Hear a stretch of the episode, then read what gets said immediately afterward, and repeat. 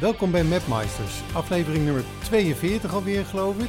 Matt is ook weer in de studio. Goedemorgen. Goedemorgen, de podcast voor wielrennen en Utrecht en wijde omgeving.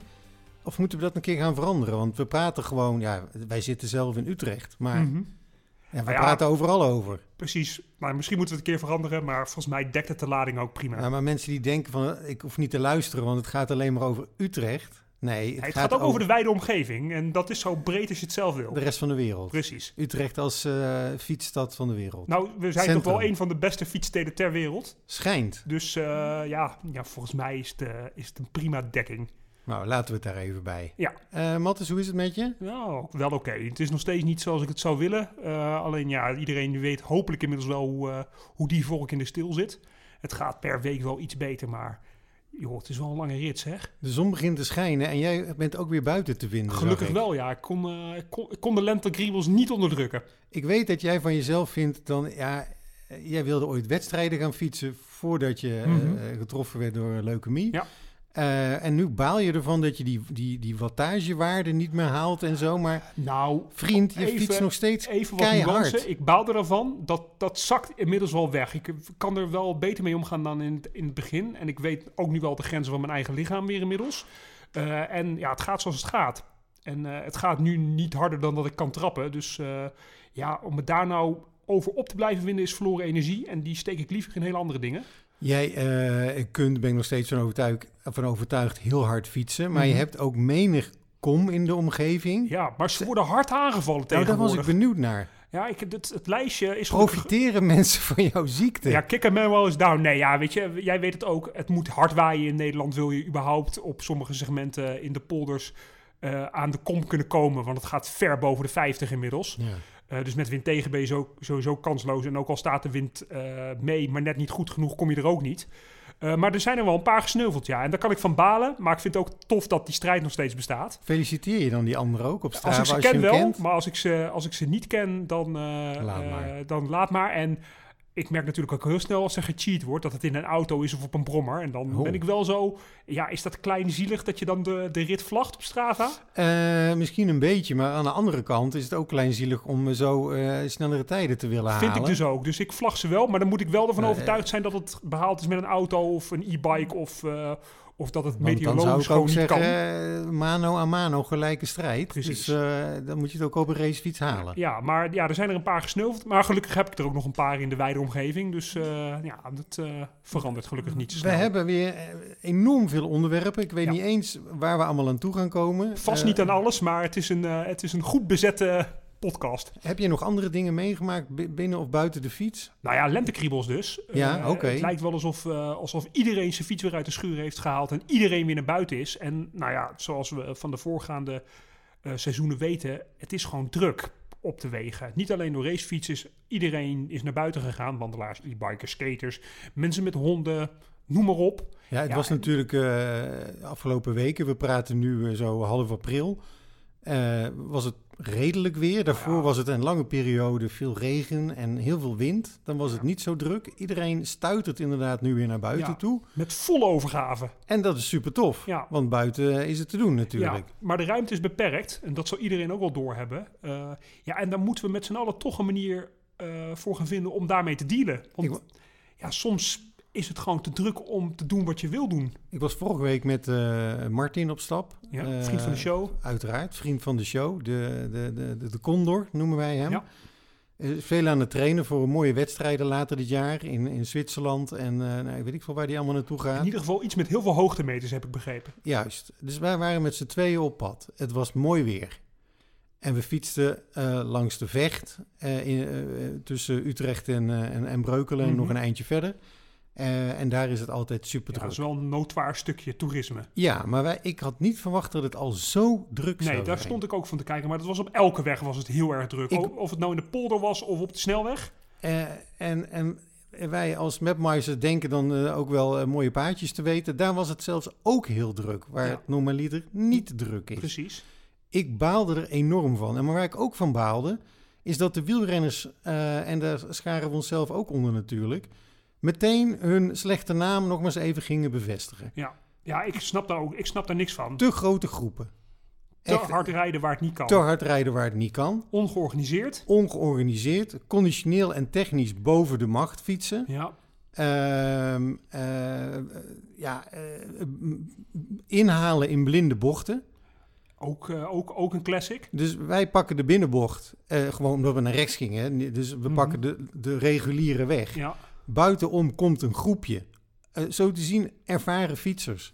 Maar die zien geen enkele tegenligger. nee. Er hoeft maar een lokale boer met zijn tractor van het Ja, land af te rijden. Een auto, het- een hond, Ja, kinderen je, op een fiets of een andere groep fietsers. Ja, en je ligt met z'n tien op de grond. Kan Of, ze kunnen maar één kant op en Ja. dat is naar rechts, waar wij dan eh, aan het fietsen zijn. Dus er is geen, er is geen uitweg. Ik baalde er echt enorm van Ja. waarom eh, wielrenners dit doen. Om maar spreekt ze dan op- er ook op aan? Of Nou, eh, gaat dat te snel? Of eh, wat doe je?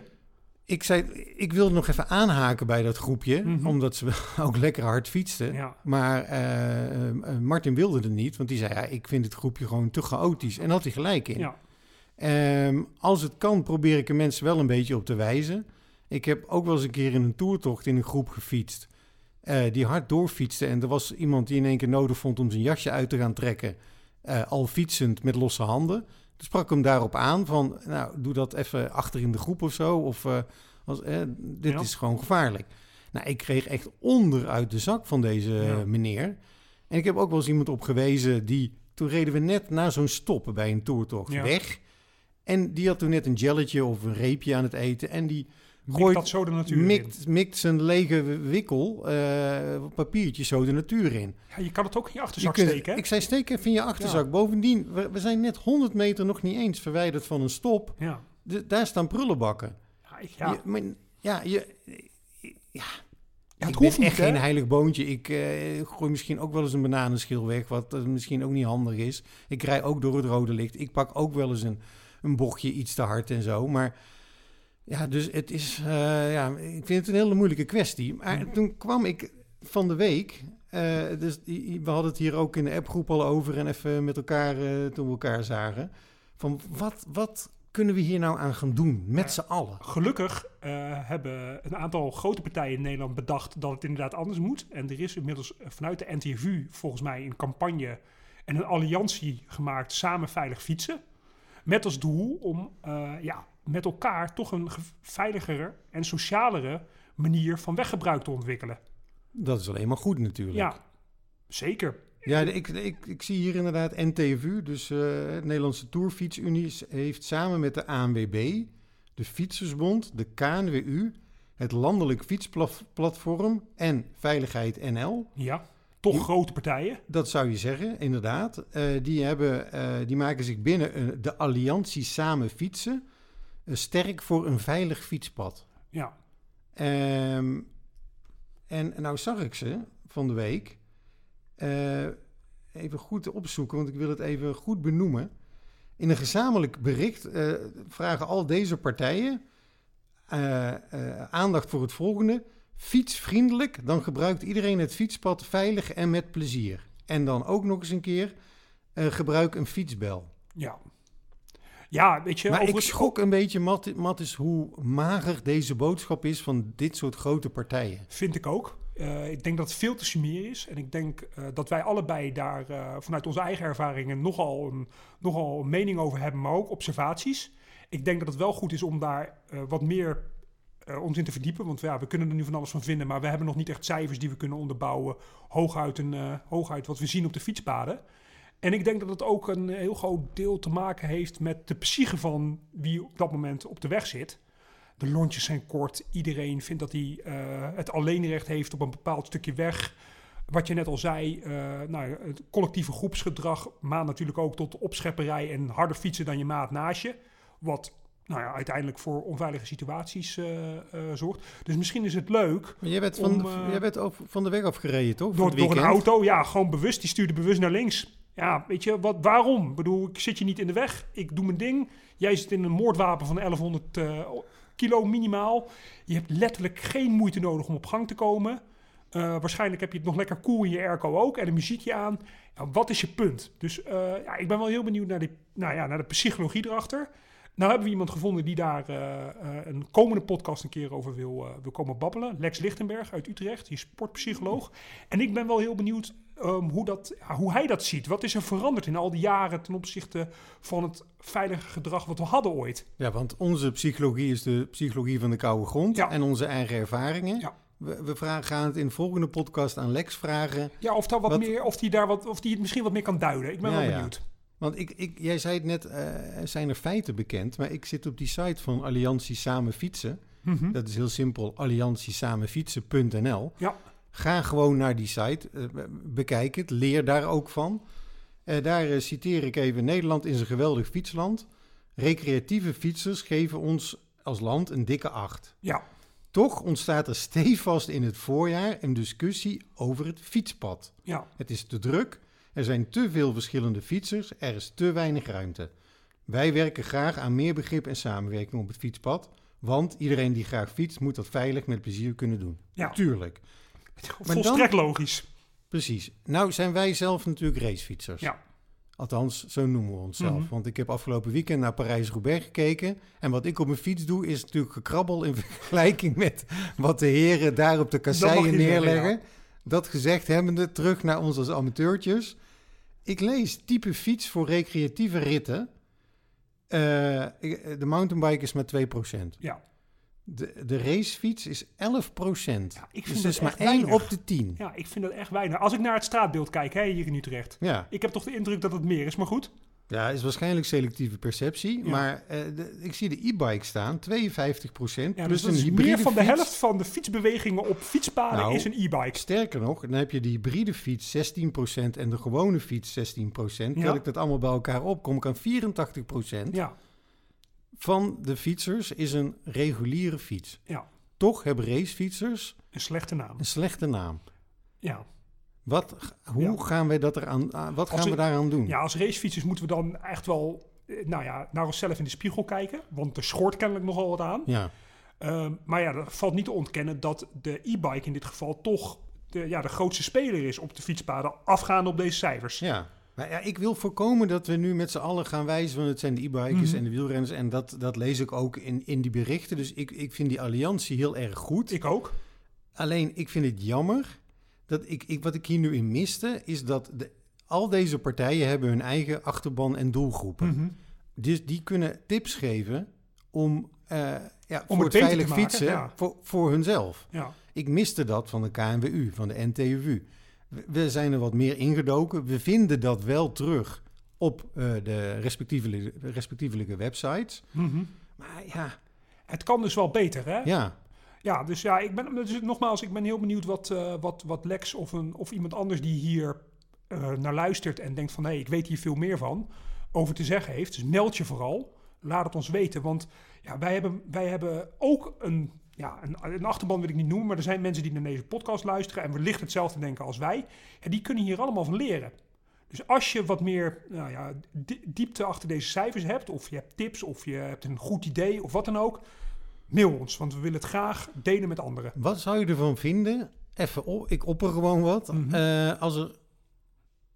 Vroeger hadden we fietsexamen. En ik zie in Utrecht nog steeds bordjes hangen van eh eh fietsroute-examen of fietsexamenroute, geloof ik. Ja. Maar dat is altijd voor basisscholieren. Ja, dat is voor de kleintjes die net, eh, die net hun eerste fiets onder hun kont krijgen en eh, zoek het uit. In Nou ja, die is ook wel wat ouderen, Ja. maar vooral als ze meer zelfstandig Nou, moeten gaan fietsen zo, natuurlijk. acht, ja, zoiets acht, denk ik. hoek, En ja. als ze straks naar de middelbare school gaan en wat langere afstanden veilig fietsen. Maar zou je op latere leeftijd ook niet nog eens een keer een soort examen moeten gaan doen? Of, eh, Nou, wat ik nu ga zeggen is misschien een beetje eh farfetched, misschien een beetje ver gezocht. Maar je hebt in Nederland heb je voor gemotoriseerd vervoer heb je een rijbewijs nodig. Een autorijbewijs, een brommerrijbewijs. Want zonder die dingen ben je niet Ja. verzekerd, mag je niet rijden. ja. Nu snap ik dat een rijbewijs voor fietsers heel moeilijk is. Want ja, iedereen die kan opstappen en fietsen in principe. Ja. Maar voor e-bikes, wat toch zware jongens zijn, die dingen wegen een kilootje of 30, die lopen 25 tot met 50 km per uur. Dat is best wel hard. Ga Ja. het maar eens doen namelijk. Ja. En eh, niet om te discrimineren, maar er, zit, er zitten mensen op die vaak wat ouder zijn, die dat kunnen betalen. En die zijn misschien fysiek net iets minder dan een jongen van 18. Toch? Ik bedoel, dat is een vrij redelijke consensus, denk ik. denk ik. Waarom is het dan zo moeilijk om, als je zo'n fiets koopt, in ieder geval een cursusdag of een cursusmiddag of een dagdeel te krijgen van hoe werkt zo'n zware e-bike? Want Het aanrempunt is anders, het gewicht is zwaarder, het gaat wat moeilijker door een bocht. Als je valt, val je ook gelijk hard, want je neemt 25 tot 30 kilo extra gewicht mee eh, richting de grond. Ik denk dat daar ook veel winst valt te halen. En ja, wielerclubs kunnen daar ook aan denken. Maar jij en ik, die hebben bij CS030 gereden. Daar krijg je gewoon ook techniektrainingen. En ik denk dat dat echt wel winst eh, oplevert. Want ja, je leert er gewoon veel van. Maar je zou er ook nog niet nog meer racefietsers een keer een dagje bij een club mee moeten lopen Tuurlijk, of zo? dat staat buiten kijf. Want je zit zoveel mensen op de fiets die technisch zo onhandig zijn. Ja. Eh, ja, dat, dus die twee dingen, die twee componenten maken denk ik wel een heel groot deelgoed van wat we nu op de weg zien en Ja. horen. Nou, ik, ik- ja, ik, van de week eh, fietste ik eh, in mijn eentje en ik haalde, ik, tenminste, ik zag twee oudere dames, dames, ja. fietsen fi- en die fietsen was een heel breed fietspad. Niks aan de hand. Niks aan de hand. Die fietsen naast elkaar. Ik had er snel langs gekund, gewoon links. Maar ik denk, ik heb een bel op mijn fiets. Ik bel even. Die linkerdame, die keek toen om. En je weet dan wat er gebeurt. Je stuurt bijna automatisch stuurt naar links. naar links. Ja. Dus die kwam in mijn pad. Mhm. Ik was er nog niet en, en het ging allemaal niet hard. En ik, ik, ik had het idee dat ik dit al zag aankomen, dus ik remde ook nog een beetje. Maar die mevrouw die schrok, die zag mij aankomen. Die, die dacht misschien, oh, een wielrenner, ik moet aan de kant. Dus die stuurde meteen naar rechts. Maar Ja. haar vriendin, die dus naast haar fietste, die was ook een beetje naar links aan het kijken. Die was ook al iets meer naar links gegaan. Dus deze twee dames kwamen een beetje met, met elkaar in de knoei. Die, die vielen bijna. Nou, ik maakte er nog een grapje van, van oh, pas op dames, en zij een beetje lachen. Maar voor hetzelfde geld... Lig je daar dus met z'n drie op de grond. Ja, had, had kunnen gebeuren. Ja.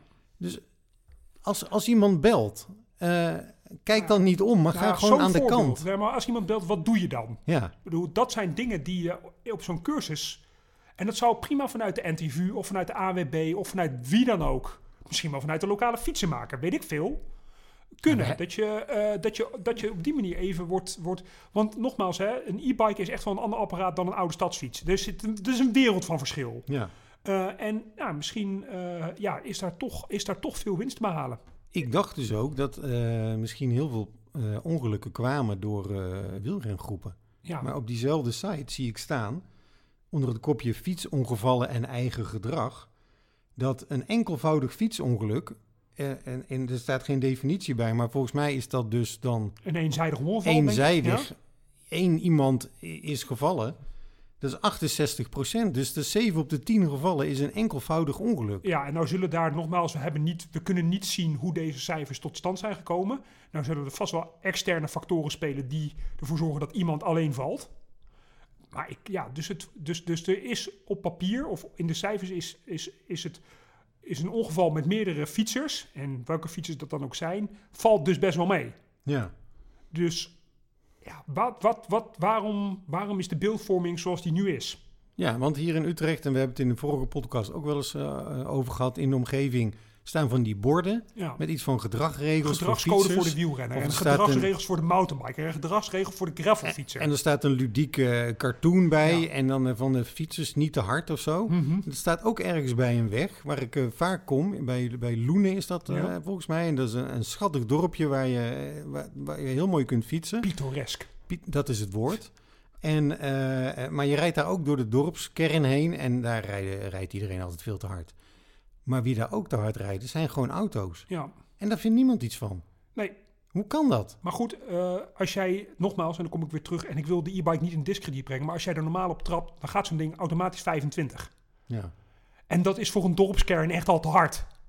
Dus weet je wel, ook daar moet je, ja, ik denk, denk dat het echt een mindful dingetje is. Van wees je bewust waar je bent en wat er kan en mag en mogelijk is. Ja, ik wil ook voorkomen dat we ieder voorjaar deze podcast moeten gaan maken. Nou ja, of moeten we die er gewoon blijven herhalen? En net zo lang totdat, het ge, totdat, totdat er een oplossing is. Ja.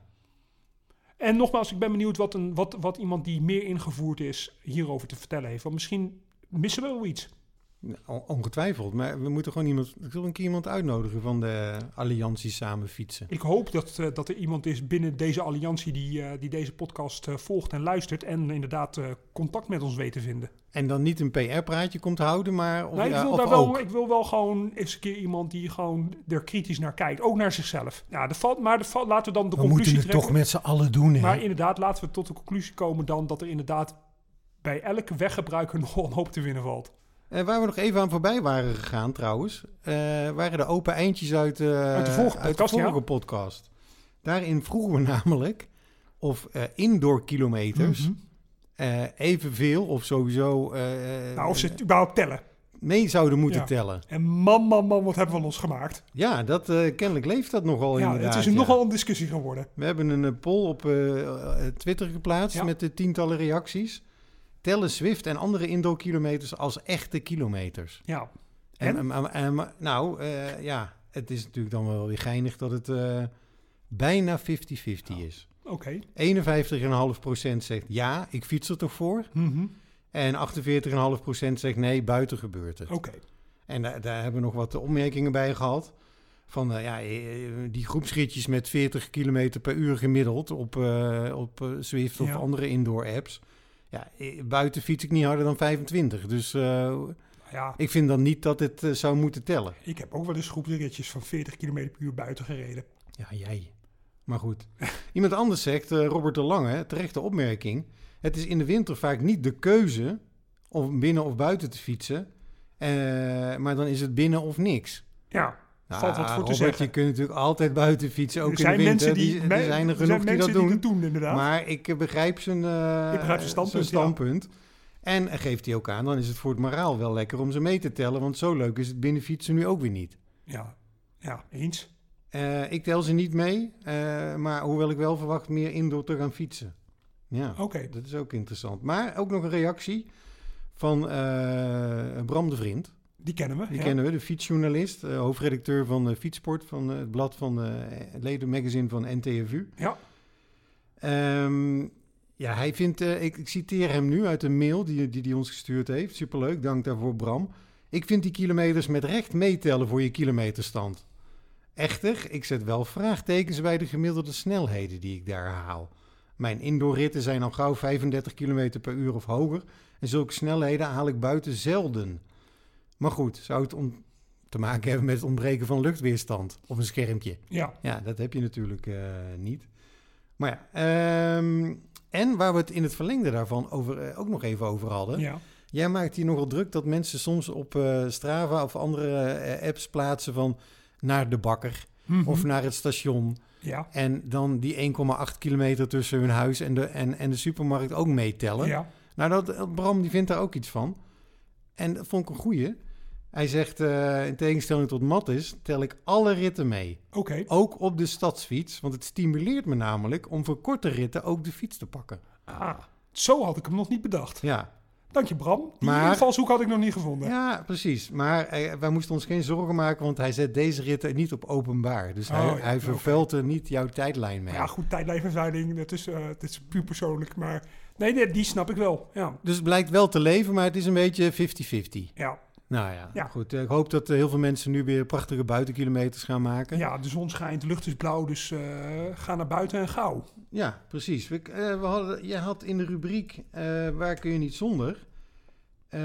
noemde jij dat jij niet zonder een sweatshirt kunt. Precies. Of een ondershirt Ja, of eigenlijk. het- whatever de naam mag zijn. En in de winter is dat wellicht logisch, Ja. maar in de zomer draag je dat ook. Ja, Eh, Wouter van den Boomgaard van eh Echondo, kennen we. eh, fietskleding. We hadden hem met de Vuelta. Vuelta in de, in de, in de podcast.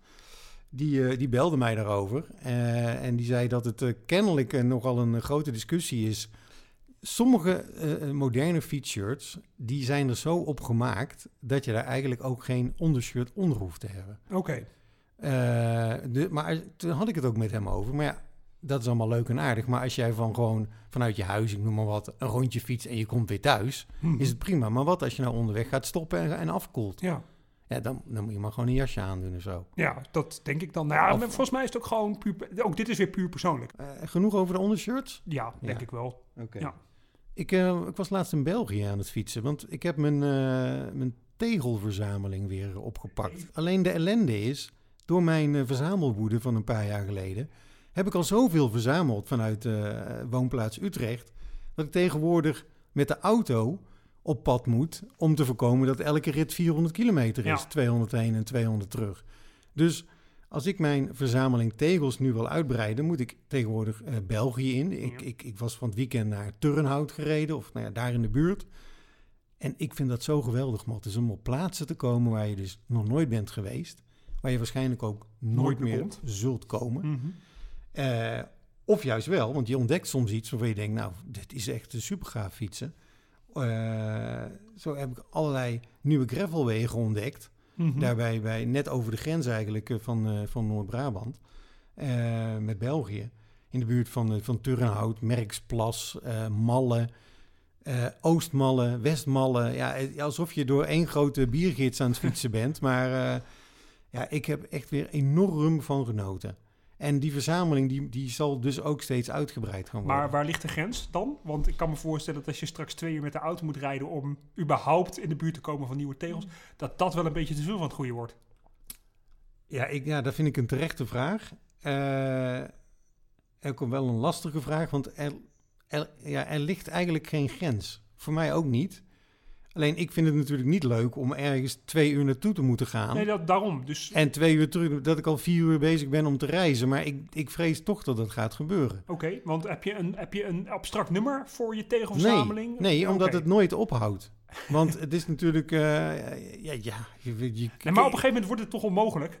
Ja. Er zitten maar 24 uur in een dag. En als jij 12 uur moet rijden om, om ergens te komen waar je nog niet op de fiets bent geweest, dan, dan is dat toch praktisch onhaalbaar. Daarom is dit ook een never-ending hobby. Ja. Eh, en, en hoop ik dat ik me erbij neer kan leggen dat ik niet tot Zuid-Spanje en tot eh, diep in de Oeral of zo eh, ooit ga doortegelen. Maar ja, waar, waar ligt de grens? Ja, er ligt dus eigenlijk geen grens. Oké. Ja, we zullen zien. Ik vind het op zich ook wel mooi, want eh, ja, hier Hoogland is Ja. een keer eh, in onze podcast geweest. Ultra Endurance Feature, mogen we hem denk ik wel noemen. Ja, hij was toen in de podcast om te vertellen over eh, dat hij de eh, provinciegrenzen altijd afreed. Ja. Dat hij in Nederland gedaan. Ja, nou, hij heeft volgens mij weer een, een nieuw avontuur ge- gedaan. De Unknown heet dat, geloof ik. Dus de is- Unknown Race. Ja, dat is een wedstrijd dat je, nou, je komt aan bij de start.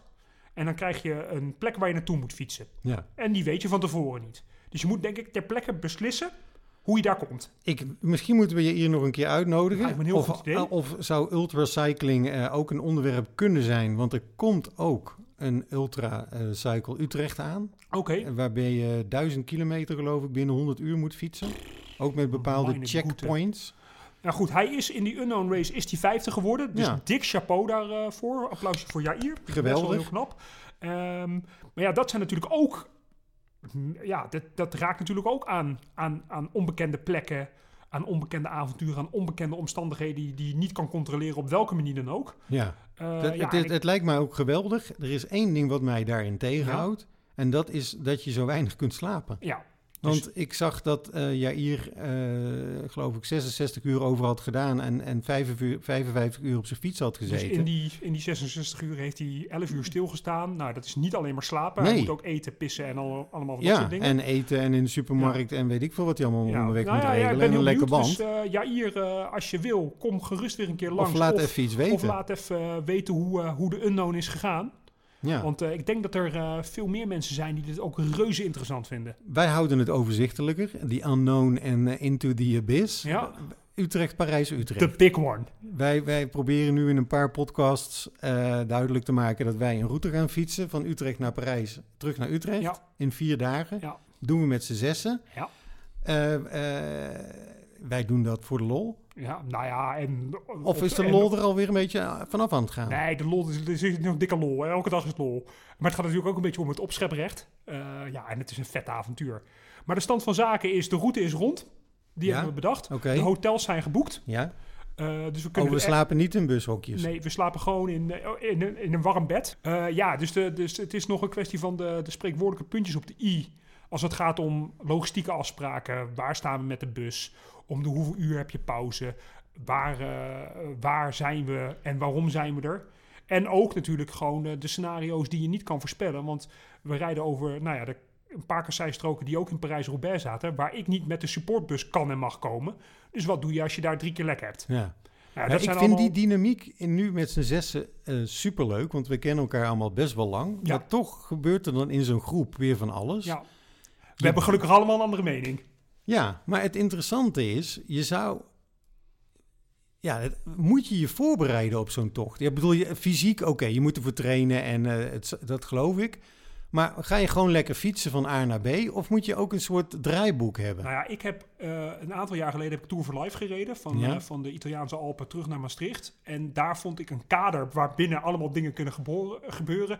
Heel handig. Ik ben wel benieuwd hoe anderen dit ooit gedaan hebben. Want naar Parijs of een eind verder fietsen. En dan hebben we het dus niet over 600 kilometer in 24 uur, maar 4 keer 300 kilometer Ja. of zo. Ja. Ehm, even een klein eh, promotieblokje wellicht. Want Oeh, eh, altijd van. ja, En zeker omdat het nu over mezelf gaat waarschijnlijk. ja, dat gaat over jou Ja. inderdaad. Ja. Want wij hebben het in deze podcast eh, eh, eigenlijk nooit over profielrennen. Nee, ja, per soms- definitie niet. We raken het soms aan omdat Soms, er iets eh, gebeurd is waar we echt niet omheen kunnen. Of maar dat we de, de profs bewonderen Ja. over wat ze kunnen en dat dat totaal andere wereld is Ja. dan eh, ons eigen maar wielrennen. wij zitten niet in de hoek van de sportjournalistiek. Nee, maar jij hebt daar wel vaak een mening over, over profielrennen en je geniet er ook van. Ja, ik, eh, nou ja, goed, ik ben, ben natuurlijk zelf ook wedstrijdrenner geweest. Dus ja, ik vind, dat, ik vind het gewoon heel vet om naar te kijken en het te analyseren. En ik schrijf er ook graag over. Alleen, ik schreef erover in een heel beperkte kring, namelijk in ons WhatsApp-groepje. Ja. En mede aangespoord nou, door jouw tomeloze overtuigingskracht, heb ik het eindelijk nu in een website gezet. En nou ja, met, met koersen waarvan ik vind dat daarover geschreven hoort te worden, schrijf ik daar een stukje over. Ja. En nou, als men dat leuk vindt, kan, eh, kan je dat dus nu bekijken op koersklapkes.nl. Koersklapkus.nl. Ja, en klap- Ja, en klapke is eh, West-Vlaams, heb ik geleerd. Ja? En eh, de letterlijke vertaling is praatjes. Oké. In goed Nederlands. Dus koersklapkes.nl, er staan nu drie, drie ja, posts op. Oké. Dus, eh, ja. We gaan het volgen. Mattis. Ehm, eh, blijf vooral schrijven, Ik eh, doe mijn best. want ja, dat is een groot talent. Dankjewel. kan ik hier, hier zeggen. Ehm, ik was het laatst zelf nog in Friesland. Bij de burgemeester Bij van... de burgemeester van de Friese Meren. De Friske, Friske Marren. Ja, en welke goed meren zijn dat? Het Tjulkemeer, onder andere, denk ik. Ja, dat is een goede vraag. Dat weet ik niet precies. Oh, nou ja, dat is wel... een, eh, Maar eh, de burgemeester die eh, nam ons boek Omstreken in ontvangst. Ja, wat ik vorig jaar heb gemaakt. En op de cover van Omstreken mhm. staat een straat, De Kooi, geschreven K-O-A-I. En die ligt in het eh, gehucht of in het dorpje Tjerkgaast, wat Ja. weer deel uitmaakt van de Friese meren. De burgemeester had trouwens over die eh, eh, meer, welke meren zijn dat, had een prachtige amsketting eh, om. En de schakels van die amskettingen, daar stond de contouren van alle binnenmeren op. Dat dus dat cool. was heel mooi Ja. gemaakt, inderdaad, ja. Maar het is super gaaf dat zijn burgemeester ons boek in ontvangst wilde Ja. nemen. En hij heeft ook een, een prachtige fietsgemeente. Ik had het idee om een route te maken binnen de gemeentegrenzen van de Friese meren. Ja. Daar, ik denk, nou, hoe groot kan het zijn? Ik eh, heb die route niet helemaal afgemaakt, want toen ik bij de 185, 190 kilometer was, vond ik het wel mooi. Ja. Maar door gemeentelijke herindeling Mhm. zijn er zulke grote gemeenten in Nederland. Ja. En de Frieske Marre, wat ik eh, van eh, de burgemeester begreep, is eh, de zesde gemeente van Nederland inmiddels. Eh, maar, dus ik ga nou, denk ik, als doel, ook voor die tegels, want ik moet daar toch nog zijn, Ja. Eh, denk ik toch een keer zo'n route rijden. Dat je binnen de, sta- ja, binnen de gemeentegrenzen van die grote gemeenten van Nederland gaat fietsen. En kijken waar je dan langskomt. Ik bedoel, dan heb je de buitengebieden, Ja. je hebt eh, woonwijken. Maar zo kwam ik ook in eh, het plaatsje waar eh Shinky Knecht vandaag, vandaan komt. Ja, De- Olympisch kampioen short track. nou, dat zou die willen. En niet wereldkampioen dan toch op zijn minst? Dat is die wel geweest, volgens mij. Volgens mij heeft hij wel een Olympische medaille gehaald, Ja. brons. Oh, dat nou weet ik niet helemaal goed, zeker. eh, Oké, nou ja. Slecht. Sorry, Shinky. Shinky, eh, dat moeten we uitzoeken. Ja. Ex- excuses Sorry, daarvoor. Maar eh, zijn bijnaam is de schicht van Bantega. Ja. En ik kwam eh, door Bantega. In mijn beeld is Bantega ongeveer een rij huizen, dan stopt het. Ongeveer Ja. 600 inwoners, Ja. hooguit geloof ik. Mhm. Eh, maar een prachtige fietsomgeving. Eh, ja, ik kan me voorstellen dat Friesland, zeg maar, dat super rustig is, weids en, eh, en stil. ja, dat En veel wind. Ook. Maar er zijn dus ook bossen. Er zijn zelfs eh, kliffen. Kliffen, oké. Ja, ja, dus de burgemeester maakt het heel groot door het eh, als een soort kliffen van Dover te beschrijven. Oh, maar, ik dacht eh, meer aan de Grand Canyon, maar... Nou, oké, dan is het misschien iets kleiner.